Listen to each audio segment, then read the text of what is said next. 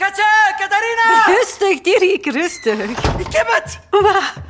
De manier om alles op één doek of één paneel te krijgen. Huh? Perspectief. Perspectief. Met een verdwijnpunt en zo en dieptelijnen. Eh, ja? Ja, slim, Dirk. Daar had ik nu zelf niet kunnen opkomen, zeg. Ja, ik ga even tussenkomen.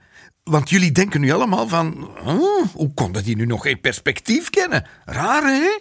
Maar er zijn van die dingen die ongelooflijk logisch lijken... maar wel pas als ze uitgevonden zijn. Zoals perspectief. Of het wiel. Of je oren gebruiken om je bril te dragen.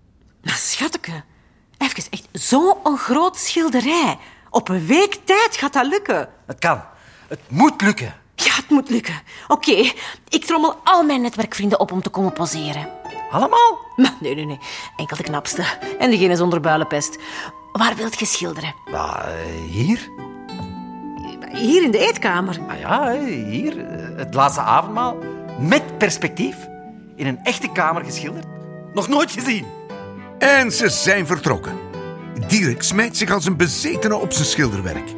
Hij schildert s'morgens, s'avonds, s'nachts. Geen seconde slaapt onze vriend. En dan, na zeven dagen en zeven nachten werken en één kleine plaspauze, net op de avond voor het schilderij ingediend moest worden, Katarina! Katarina! Nou Ja, schat. Wat denkt ervan? Oh, Dirk, Ja, ja, het is... ja, ja, wat? Het is... Ja, Wauw. ja, echt? Maar meen het of... En, en Ja, amai. ja, echt, maar, ja, wauw, ja, vind het echt... eh, En straf, joh. Oh, gelukkig. Kun jij daar misschien... Oh, misschien maar schilderij. Na- naar Sint-Pieters laten brengen? Ja, tuurlijk, schat. Zo, dan kun jij slapen.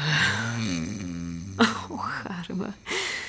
Hier zijn een groot rood doek over uw fantastisch meesterwerk.